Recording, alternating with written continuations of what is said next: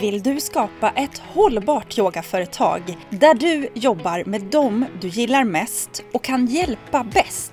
när och varifrån du vill. Med en trygg ekonomi tack vare återkommande intäkter. Då är du på rätt plats. Jag heter Angelica Henriksson, är yogalärare och entreprenör och vill hjälpa dig jobba hållbart genom att ge dig kunskaper, coachning och nätverk. Då har det blivit dags för ett önskeavsnitt av Yogaprenörpodden. Vet du om det? Att du hemskt gärna får komma med förslag på vad podden ska handla om eller tips om gäster som du vill att jag ska intervjua i podden. Det är bara att du kontaktar mig med dina önskemål så ska vi se vad jag kan göra. Du kan göra det via ett DM på Instagram eller i Facebookgruppen Nordens yogalärare eller så slänger du iväg ett mejl till info.yogaprenor.se. Den här gången så kom det in ett önskemål om att prata om SEO. Ett begrepp som du säkert inte hade en tanke på att du skulle behöva ha koll på när du startade din första yogalärarutbildning. För så var det i alla fall för mig. För du som vet, efter att ha lyssnat på Yogaprenörpodden under en tid, så är ju en grundläggande del av det hållbara företagandet att göra sig synlig för potentiella kunder ja, jag är ganska säker på att du har koll på det här efter alla dessa avsnitt av Yogaprenörpodden. Känner du dig lite osäker på det här med synlighet så kan du ju bara gå tillbaka några avsnitt, för där finns det mycket bra information på detta ämne. Det finns också några gratis föreläsningar att ta del av på yogaprenor.se.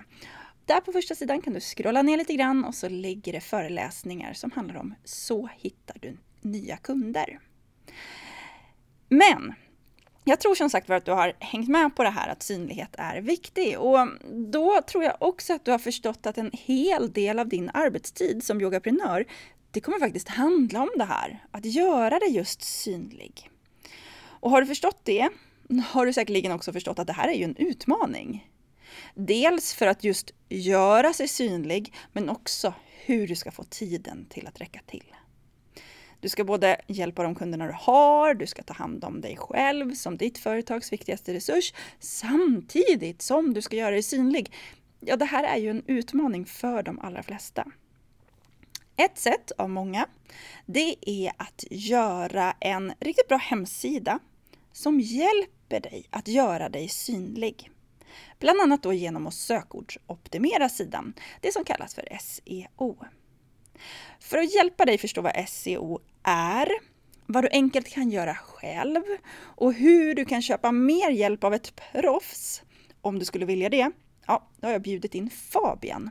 Fabian är en av grundarna till marknadsföringsbyrån Red Carpet. Det här är avsnittet för dig som vill lära dig hur du kan göra ditt företag mer synligt med hjälp av just SEO, så att du kan hjälpa fler med din yoga. I det här avsnittet så kommer Fabian att ge dig en hel del tips och du kan titta i poddbeskrivningen för att få länkar och de här tipsen nedskrivna, för det är en hel del att hålla reda på. Jag kommer också lägga det här i bloggen på yogaprenor.se så att du kan kika där i efterhand. Men nu, nu, sätt på dig VD-hatten och bered dig på att lära dig om hur du kan jobba med sökordsoptimering för att öka hållbarheten i ditt företag så att du kan leva av din yogaverksamhet.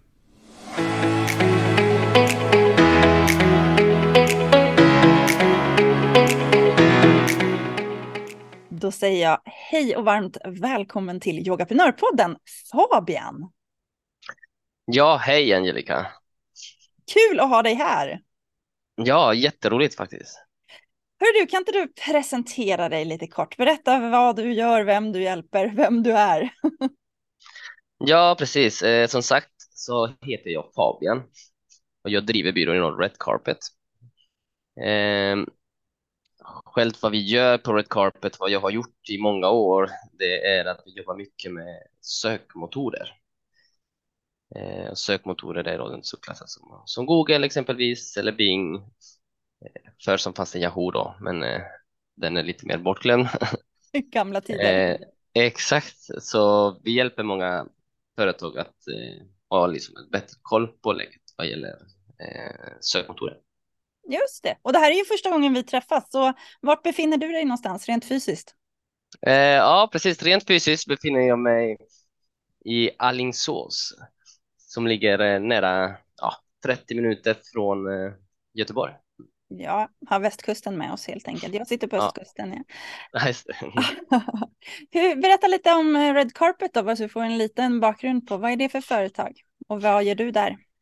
Ja, eh, på Red Carpet, eh, vi är en byrå som är väldigt, eh, vi jobbar väldigt nära våra kunder på det sättet att vi, vi agerar som rådgivare och tekniker eh, för att de ska fatta vissa beslut rent eh, i digitala kanaler. Då är det som jag nämnde sökmotoroptimering eller det kan också vara sociala medier och så vidare. Eh, och vi har funnits i över fyra år, snart fem. Så vi är ändå relativt unga men ändå lite etablerade i branschen. Ja, kul. Är ni mm. många som jobbar tillsammans? Eh, ja, vi är några stycken. Vi är faktiskt eh, tre stycken som jobbar mycket inom var sina, alla har sina specialområden om man säger så. Mm. Eh, och arbetar med allt mellan ja, små enmannansbolag som inte har en hemsida till, till de här stora, stora jättarna då, som är miljardbolag helt enkelt. Ja, kul mm. att jobba tänker jag och ha ja. den här spridningen och få göra lite allt möjligt. Ja, verkligen, verkligen. Jag har ju bjudit in dig till podden för att prata kanske lite mer specifikt om det här med att göra sig synlig och SEO och ta hjälp av sin hemsida. Vi yogaprenörer, vi försöker göra det allra bästa för att jobba hållbart och då är man ofta soloföretagare och då behövs ju hemsidan i de allra flesta fall som en, som en hjälpande hand kan man säga. Alltså den behöver verkligen jobba för en, både att eh, ja, men, ta emot den personen som har hittat till hemsidan, göra det tydligt och eh, ha en tydlig CTA, call to action, säga vad är det du ska göra nu, du kan signa upp dig på mejllistan eller du kan ladda ner en freebie eller du kan köpa något eh, erbjudande som vi har. Men vi vill ju också att hemsidan ska jobba för oss med att öka synligheten och, och inte vilken synlighet som helst. Vi vill ju också träffa på liksom våra kunder, de som vi har specificerat oss för. Så därför är du inbjuden till podden och jag är jätteglad att du är här. Och jag tänker att vi liksom bara kastar oss in i ämnet. Går det att förklara på ett ganska så enkelt sätt, vad är SEO för någonting? Ja, SEO. Jag ska förklara det här på bästa möjliga. Men SEO är ju egentligen en förkortning för sökmotoroptimering.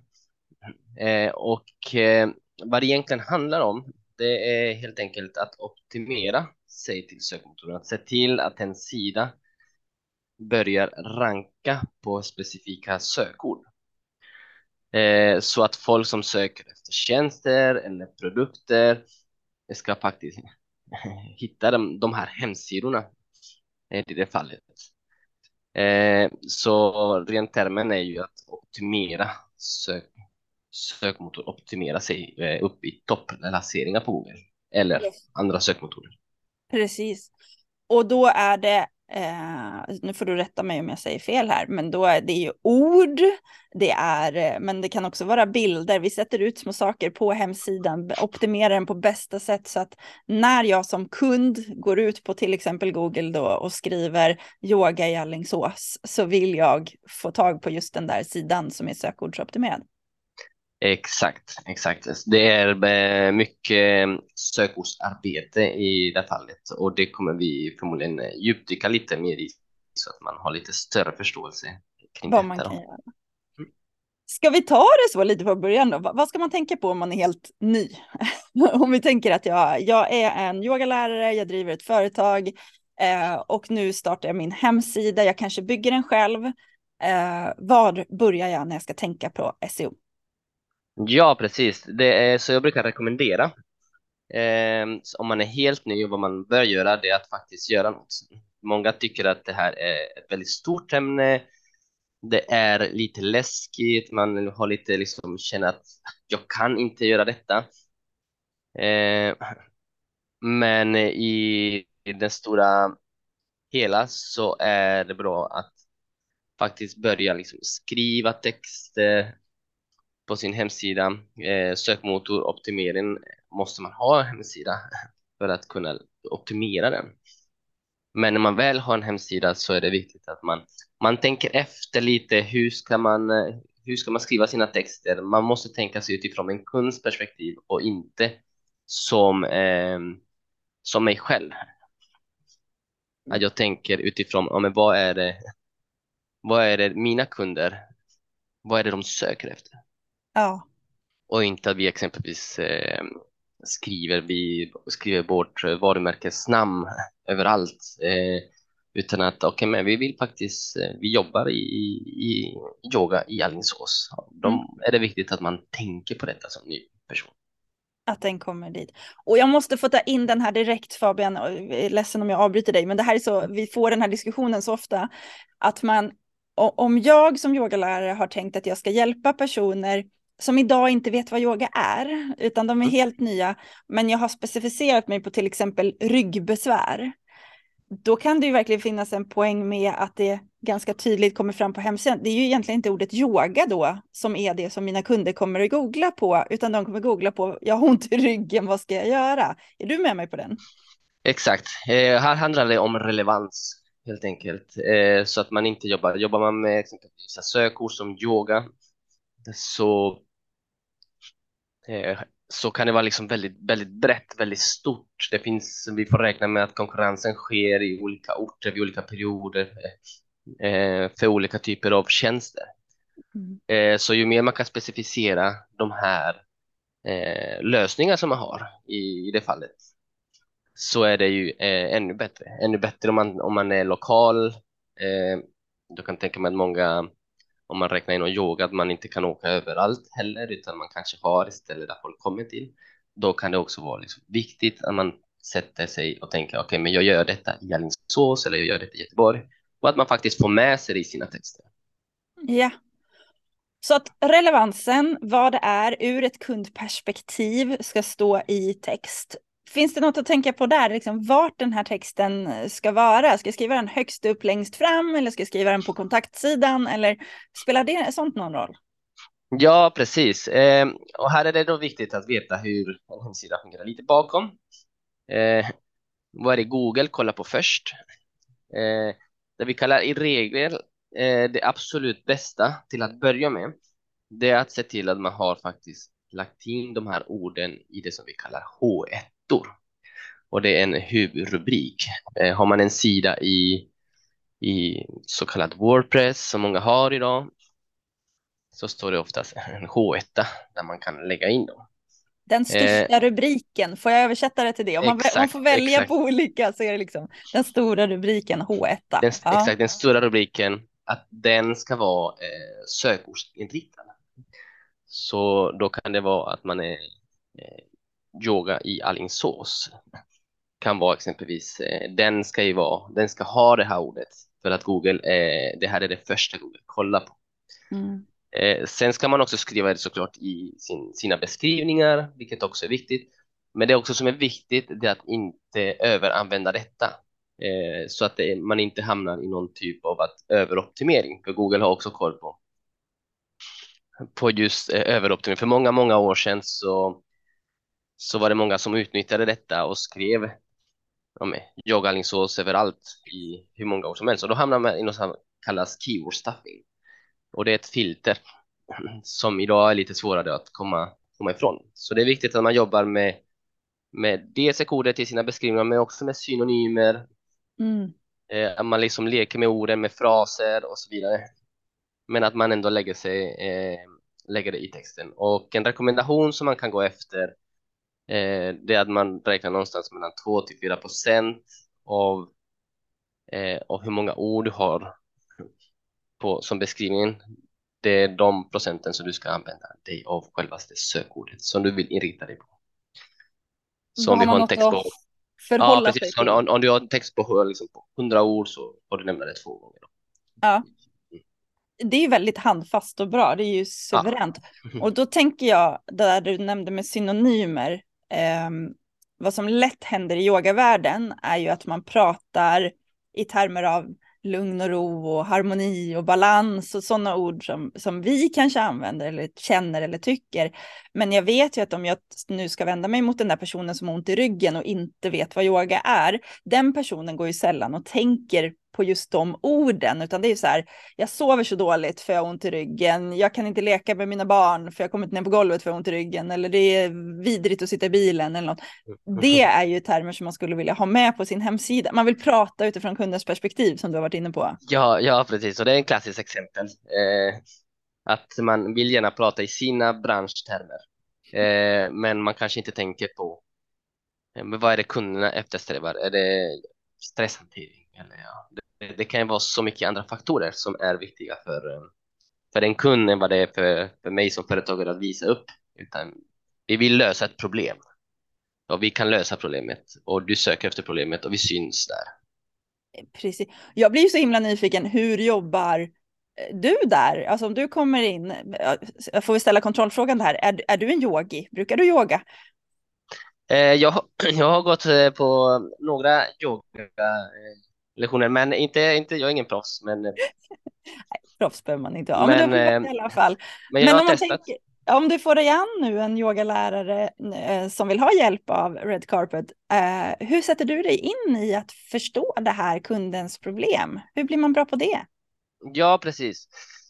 Eh, det första man gör, det är ju egentligen eh, som, eh, som, eh, som konsult, är ju helt enkelt att man måste sätta sig in i kundens bransch. Vad finns det för fördelar? Vad är det, vad är det liksom man är stark inom? Eh, så det blir en del påläsning eh, av självaste kunden. Mycket hittar man på hemsidan och dialoger med, med kunden. Sen därefter så gör man en så kallad sökordsanalys och en konkurrensanalys. Sökordsanalysen gör man via olika, olika verktyg där man kan få fram sökvolymer. Eh, och det här är också något som man kan göra man kan göra själv. Eh, det finns verktyg som eh, eh, självaste Google Ads. Man kan skapa sådana Google Ads-konto där man helt enkelt kan gå in till ett verktyg där som heter sökordsplaneraren. Och där kan du, där kan du lägga in massa sökord som du vill se hur mycket volym det finns på. Eh, och då kan du se att vissa sökord har den här, eh, så här många besökare som, som använder det här ordet per månad och så ser du lite konkurrens, vilket kan ge en, också en eh, för oss ge oss en indikation på att okej, okay, men har vi sökord som, är, som har någon typ av volym så vi inte jobbar med sökord där folk inte faktiskt inte använder det. Eh, så det är en del att liksom, sökordsanalyserna är väldigt viktiga, eh, konkurrensanalyserna för att se om, hur ser konkurrensen där ute? Är det för svårt att faktiskt synas på ordet yoga? Eh, då är det kanske inte det ordet man ska inrikta sig på, utan där kanske det finns stora aktörer med, med en bra SEO. Så då får man liksom börja se om vart kan vi hitta de här luckorna då, i trafiken. Jag tycker sånt här är så spännande. Det måste vara så roligt. Jag blir avundsjuk på ditt jobb, att det här är ju kul grejer att göra. Eh, och, och också säkert lite så uppvaknande för många av oss yogaprenörer att det är inte säkert att yoga är liksom det starkaste ordet vi ska bygga det på, utan det kan finnas någonting ännu starkare att göra. Mm, precis. Ja, vet du, jag, jag, tog dig med på en liten detour här. Jag tycker vi går tillbaka till, du, du pratar om H1, du pratar om synonymer. Eh, vi fick en bra formula på ungefär 2-4 procent av liksom texten ska vara de här orden. V vad kan vi mer göra för någonting? Ja, som jag nämnde så är det ju liksom sökordsanalyserna är ju en, en väldigt eh, bra, bra sätt. Och där nämner jag Google Ads som verktyg, men det finns andra verktyg som också kan ge lite mer eh, du kan få lite mer eh, information. Det finns verktyg som Answer the Public eh, som också är en väldigt bra verktyg för att hitta, hitta liksom, eh, fler ord att spela med. Det finns eh, verktyg som eh, Sixtrees och det finns andra betalarverktyg som man, om man vill betala för det, men de här verktygen är dock gratis och då kan man bara sitta och leka helt enkelt. Eh, och då börja liksom sammanställa i en vanlig Excel eh, vilka sökord, hur mycket volym, hur mycket sökvolym de har så att man kan börja förbereda sina texter därefter. Eh, och när man liksom har den här informationen så vet man att de här orden är starka. De är relevanta och så kan man då själv börja skriva texter och det är alltid bättre att ha en text än att inte ha en text. Det är ett bra tips ändå. Ja, precis. Och det förekommer så ofta så att det, är viktigt. Bara skriv texter till ettor. Det är sånt som, som ger väldigt stor effekt på sikt. Eh, och gör man inte det så, så, som, står man still helt enkelt. Och när du säger text så är det både beskrivande texter ja. liksom på en framsida. Eh, så, vad ställer du till blogg och sånt material? Ja, bloggar är väldigt bra text för att öka eh, trovärdighet på sidan. En blogg kan också beskrivas i en, eh, som exempelvis en guide. Eh, och det här kan vara så att man kan börja ranka på de här guiderna som driver in trafik till sidan. Eh, och där är en perfekt tillfälle att skriva om problemet. Mm. Hur man löser vissa problem och så vidare. Ja, jag tänker att en blogg har man ju också fördelen att man kan brodera ut lite grann. Eh, man tänker att en första sida på hemsidan ska ju ändå vara ganska så liksom översiktlig. Om vi tänker att många surfar via mobilen också, att mm. man inte vill ha de här långa textsjoken. Men har man en tydlig rubrik och en tydlig ingress på ett blogginlägg, då har man ju lite liksom dragit in läsaren och då får man ju brodera ut lite. Tänker du likadant där? Ja, precis. Och den är ju, den är ju som sagt bra, som, för det blir en trovärdig källa för Google också. Så när du liksom fångar in de här så blir det ändå trafik som kommer till sidan på, på, ja, på besökare helt enkelt.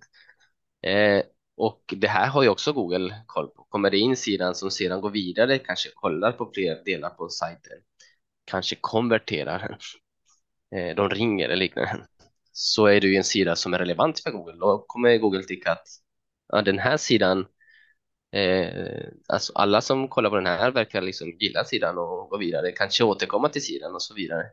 Då kommer det här Google gilla också.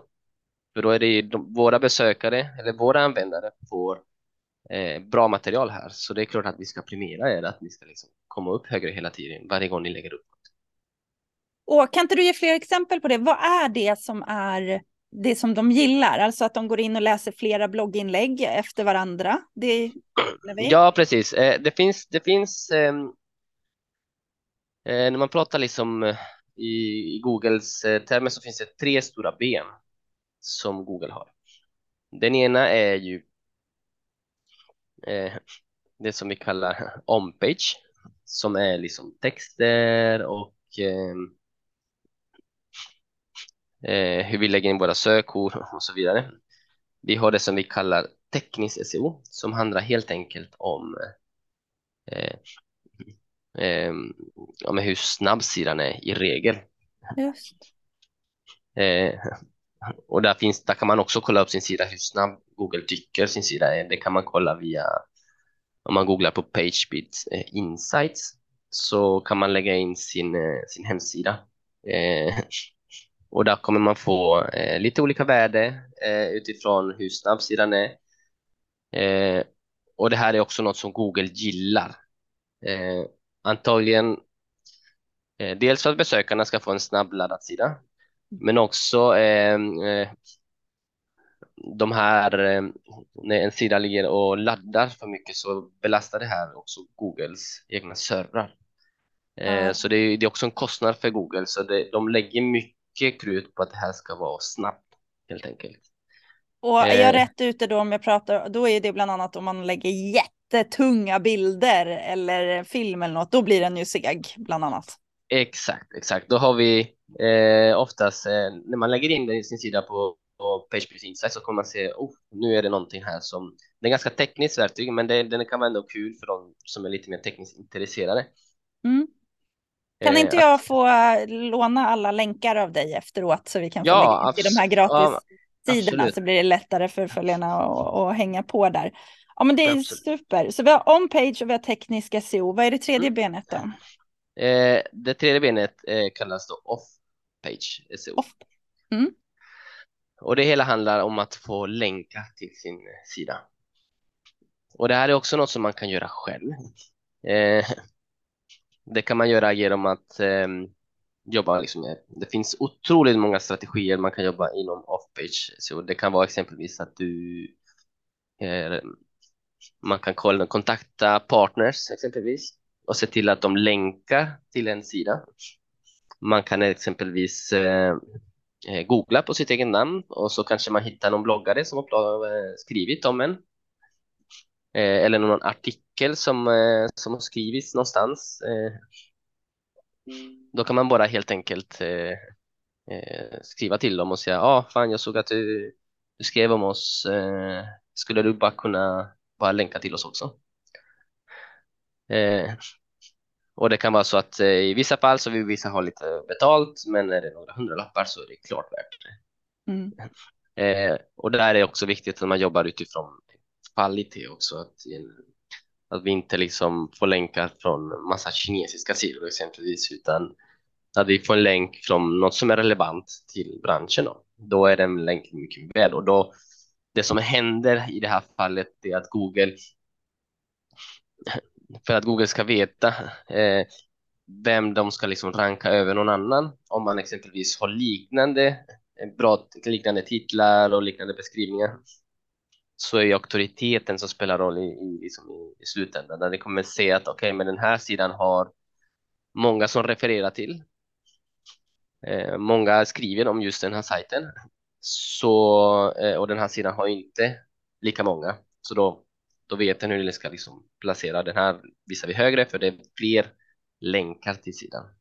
Som lite som referenser helt enkelt. Om många refererar eh, till mig så, så är det klart att jag, jag, jag blir en trovärdig källa det här är ju suveränt. Det här är riktigt bra. Jag tänker att eh, jag har medlemmar i Yogaprenör som jag hjälper med affärsutveckling bland annat. Och där har ju vi en presentationssida på min sida så att vi länkar till varandra där.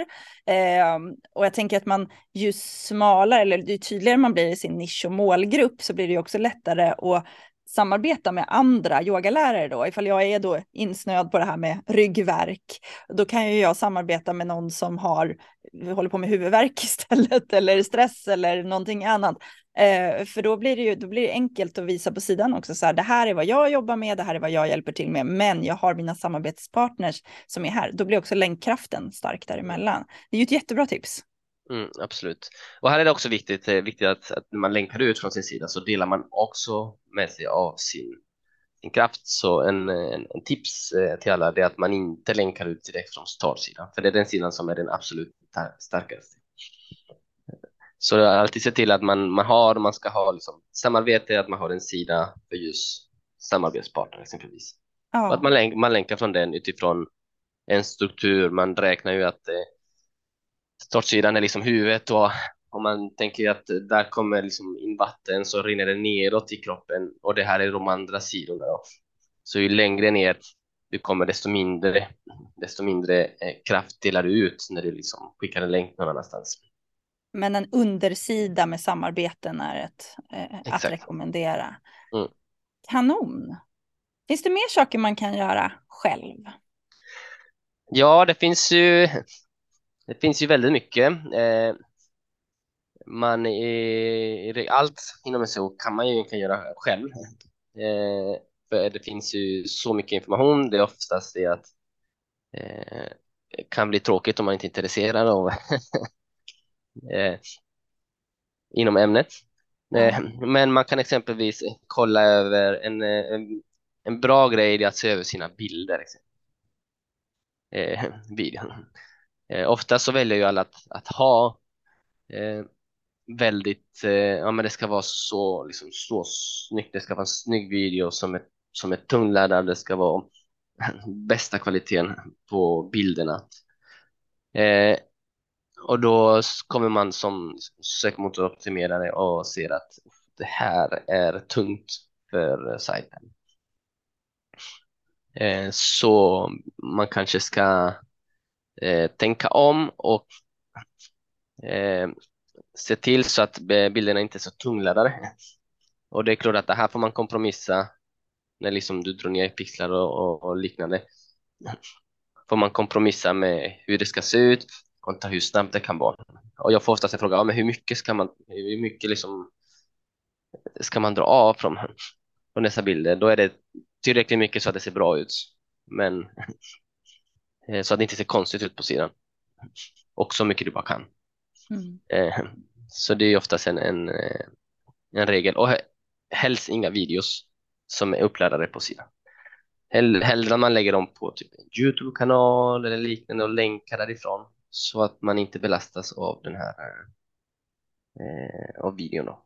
Mm. Ja, det brukar jag också tipsa om. Mm. Är det någon skillnad om man använder egentagna bilder eller stockbilder, alltså köpta bilder? Är det någon skillnad ifrån Google eller SEO-aspekt? Nej, inte just självaste bilderna skulle jag säga. Däremot eh, hur du taggar de här bilderna är ju kanske viktigt. Eh, och då finns det bakom systemet finns det ju något som heter alt-tagg. Eh, där man helt enkelt kan skriva. Också tänk i typ av sökord måste man tänka här. Vad, vad, är det? Vad är det här för någonting? Vad är det, vad är det liksom de sökorden vi jobbar med för att driva interaktiv? Vad är det vi vill att den här bilden ska syna, synas för? Och inte att man skriver eh, GPN någonting. Eller bild, bild eh, yoga. Ja, nej just det. Eh, samma när du laddar upp bilderna i självaste filnamnet så kan man också lägga in sökordet. Så, att, eh, så då får man eh, två, två delar då, eh, att eh, bildoptimera. Då. Nu kände jag genast att jag fyllde på min att göra-lista här och kollade igenom den biten, för det har jag nog inte gjort. ja, men det är väl, det är väl toppen bra. Så bilder, Uh, ja, vi var inne på det här, det är inte säkert att man vill göra det här. Man kanske blev liksom yogaprenör för att man vill leda yoga och det här blir liksom stort att göra. Och då finns det ju firmor som till exempel din. Vi ska prata om det, men, men innan jag gör det, är det något mer tips du skulle vilja ge till den som vill liksom sätta sig in i det själv eh, och göra mer saker själv? Är det något mer? Mm, ja, alltså min eh, absolut eh, bästa tips till en eh till en nybörjare det är att lägg fokus på texter eh, och sökord. Det är liksom det primära som som eh, tycker alla eh, borde, borde göra. Dels för att Google måste ha måste indexera en sida och den måste förstå vad sidan handlar om. Så ju mer man har liksom, ju tidigare man har gjort det här jobbet, desto bättre kommer det bli långsiktigt.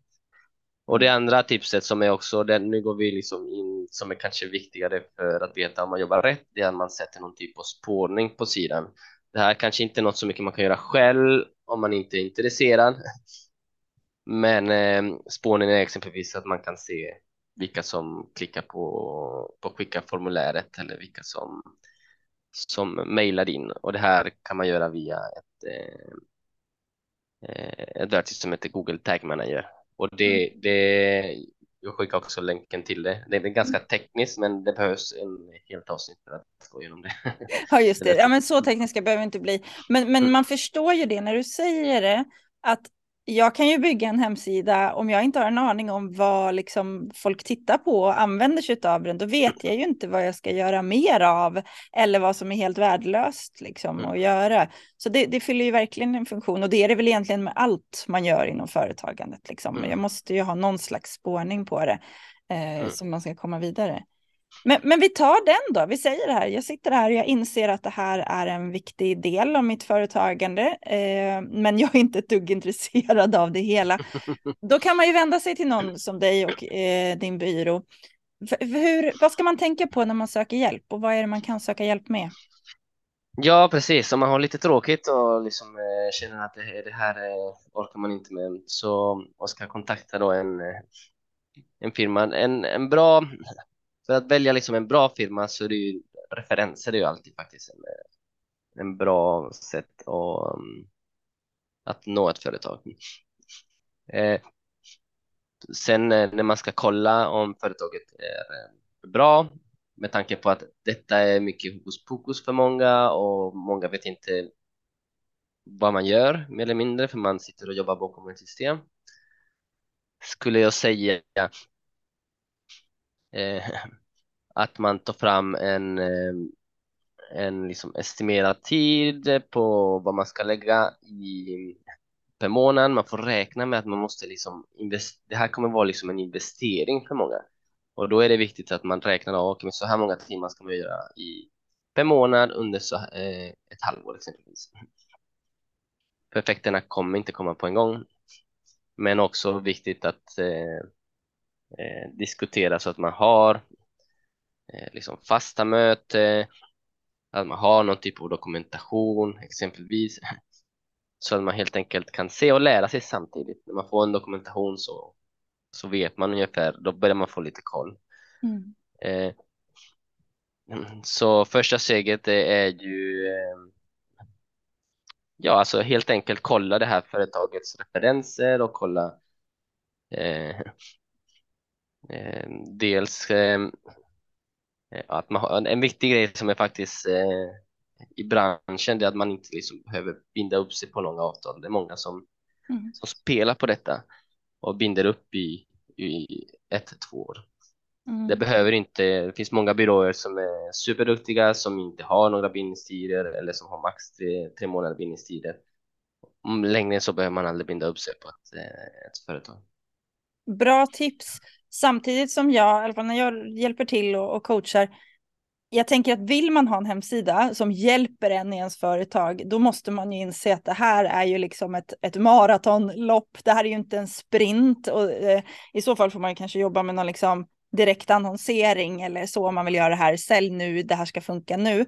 Men SEO handlar ju om att göra den här hemsidan synlig och bli den där hjälpande handen i företaget som jag var inne på precis när vi började prata. Och då är det ju ett längre jobb, då vill man ju göra det här så det funkar över tid. Så att jag brukar i alla fall prata om det så här, det här är precis som du säger, en investering. Man behöver tänka att det avsätts eh, pengar och det är lite pengar som det kostar om man vill ha liksom ett proffs som gör det här och ett proffs som man vill ska finnas över tid och stötta en över tid också. Men faktiskt också att det går ju inte att lägga ut hela ansvaret på en byrå, för jobbet blir ju som bäst om ni som konsulter kan göra ert jobb med hjälp av era verktyg och erfarenheter. Men sen är det ju jag som är proffs på mitt företag. Det är ju jag som kan mina kunder. Exakt. Visst är det med att det, det, måste vara tid emellan också.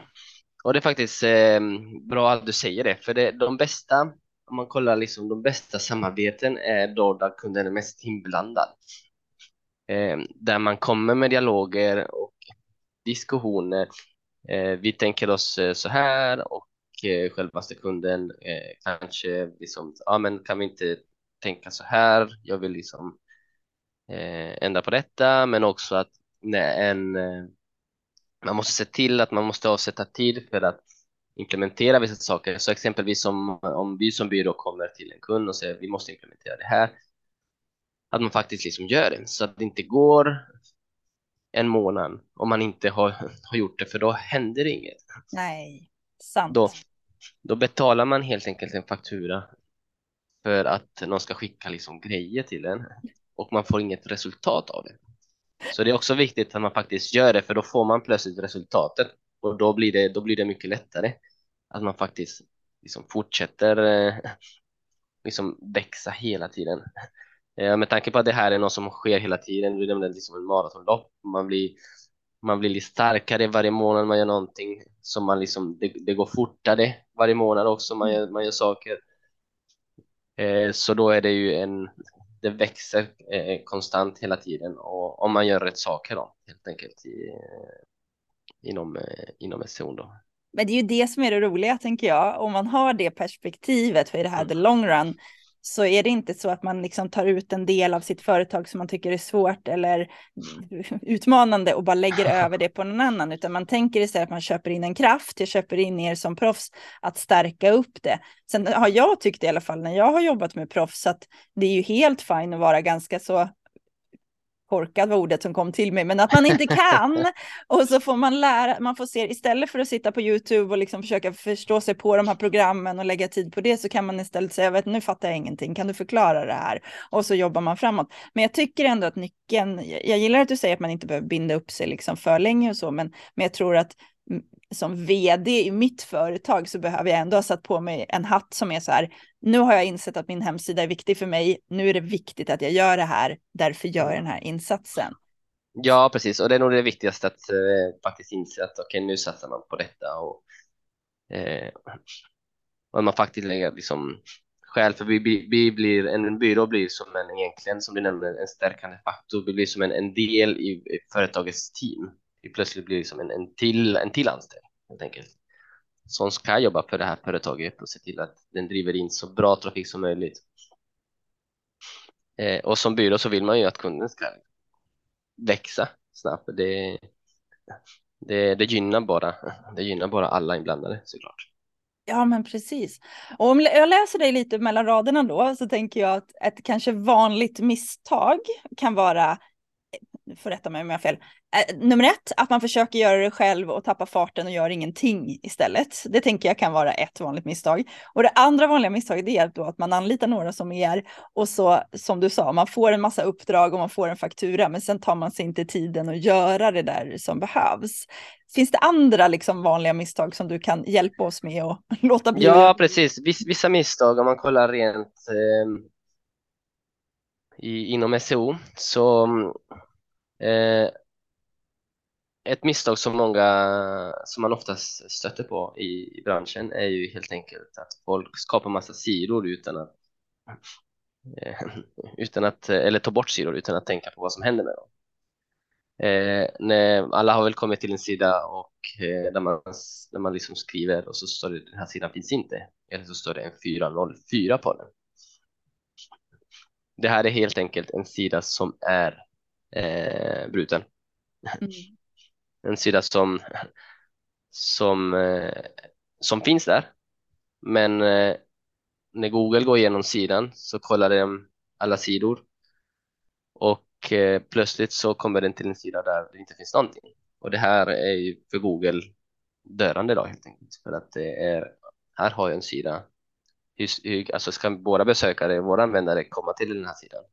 Det vill vi såklart inte nu känner jag så här kniv i bröstet. Efter två och ett halvt års poddande så har jag väl hänvisat till så många sidor som idag inte finns längre. Så här, oh, gud. Ja, jo, men, men det är en bra tanke framåt att kanske så ja. samla upp de länkarna ja, och lägga något annat precis. där istället. Och här, ja. kan man, här kan man göra det via, alltså man kan hitta de här sidorna på olika sätt. Det finns olika verktyg. Man kan faktiskt hitta eh, 404. Ett, ett bra exempel och verktyg är Google Search Console Eh, Eh, du kan exempelvis ehm, du kan ladda upp något det, någonting som heter sitemap helt enkelt. Och det du kan få en sitemap om du har en eh, de flesta plattformarna har ju inbyggda sitemap som är egentligen en karta. En sitemap är en karta över sin hemsida. Och har man exempelvis en plattform som är som är hyrd där man betalar en viss fast summa varje varje månad så, är oftast, så har de oftast eh, en inbyggd sitemap. Eller om du har en WordPress-sida där du har exempelvis installerat Yoast så kan du också få ut en sitemap. Och en sitemap kan du få, få fram om du skriver liksom din hemsida slash sitemap, eh, sitemap.xml. Då kan du få fram, då ja. kan du få fram eh, en sitemap som du sedan, det är mer eller mindre en länk som du sedan lägger in i Google Search Console och där laddas upp alla sidor och där vet du liksom de här sidorna är aktiva och då kan Google även se detta och där kan du börja då hitta vi har de här 404 där är det Google själv som börjar hitta men här har vi massa 404 massa brutna, brutna sidor och då kan man helt enkelt eh, eh, åtgärda dem. Så då vet jag vad jag ska göra i eftermiddag tänker du? Precis. Mycket jobb nu här i... ja, det var bilder och det var det här. Jag älskar det här. Ja, så det är ett vanligt eh, misstag som du ser att man... Ja, 404 så se till att man, eh, man redirectar eller man 301 om man pratar liksom termer, men att man helt enkelt skickar de här, säger till systemet att ja, men den här sidan finns inte längre, i, det är den här sidan som gäller nu. Och det här finns oftast bakom alla system som man kan göra. Även om man, om man har Joost installerat på WordPress så kan man också göra det därifrån. Eh, men det är bara helt enkelt att den här sidan finns inte längre. Google kollar på den här istället. Ja, jag skjuter in här, för jag har en egen plattform som jag hjälper många med när de köper sin hemsida och fixar. Är det någon som sitter här och lyssnar på det här och har Yogaprenörs plattform så finns det både sitemap på den och så går det att göra sådana här 301 omdirigeringar via verktyget. Jag bara skjuter in den för ja, den som snyggt, lyssnar. Snyggt. ja, så vet de vad de kan göra för något. Ja, det här är ju jättebra, men kan vi så här, det har varit en massa bra tips, kan vi avsluta med något liksom så här, lyckat resultat eller någonting som du liksom så här, ge oss lite kraft till att vi som egentligen mest vill leda yoga nu verkligen ska göra jobbet med att ta tag i det här. Ja, men precis, precis. Eh, vi, har, alltså, vi har ju många, många sådana lyckade resultat, men eh, jag tog fram några stycken här som, eh, som vi har jobbat med. Eh, vissa som har jobbat under en längre period och vissa som vi eh, har kommit in i en, i en jobbig period helt enkelt. Vi hade ett bolag som, som heter eh, Adriatic, eh, jobbar med väskor och eh, plånböcker och under coronapandemin så hans största marknaden var ju resväskor. Mm. Eh, så när han ringde så var det lite jobbigt eh, för att det hade gått så mycket. Så där eh, jobbade vi mycket för att Eh, lyfta hela plånbokssortimentet. Eh, vilket eh, tog ungefär ett, ja, runt ett halvår, ett år innan vi faktiskt skift, skiftade omsättningen från självaste väskeintäkterna till till eh, plånboks. Eh, och sen så stängde corona. Eh, så då fick han väskorna tillbaks. Så det var ju ett plus plus då för, för honom. Det var härligt. Så nu har han två ben att stå på kan man säga. Precis, precis. Mm. Eh, så ibland kan det vara bra när man har sin marknad på en väldigt stor del så lägger man oftast väldigt mycket krut på det. För det är där jag får pengarna, men ibland så kan man glömma att jag har andra, andra ben att stå på här. Mm. Och att man också liksom lägger ett öga ditåt. Eh, så det är en sån lyckad insats som skedde av en, av en jobbig läge då.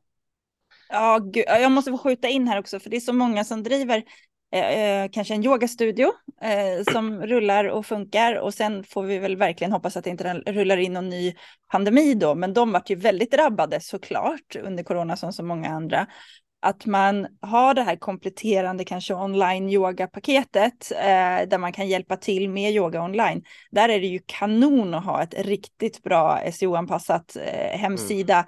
som då inte är yogastudion, utan man har en egen sida och kan liksom ha det som ett komplement i det vanliga, mm. men också ha, inte ha alla ägg i en korg, utan okay. när det händer någonting.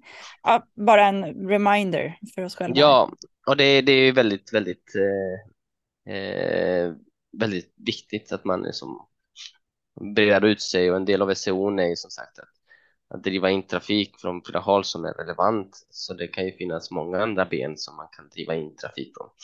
Eh, en viktig del också med SEO som vi inte har nämnt så mycket, det är ju påverkan av SEO i andra kanaler.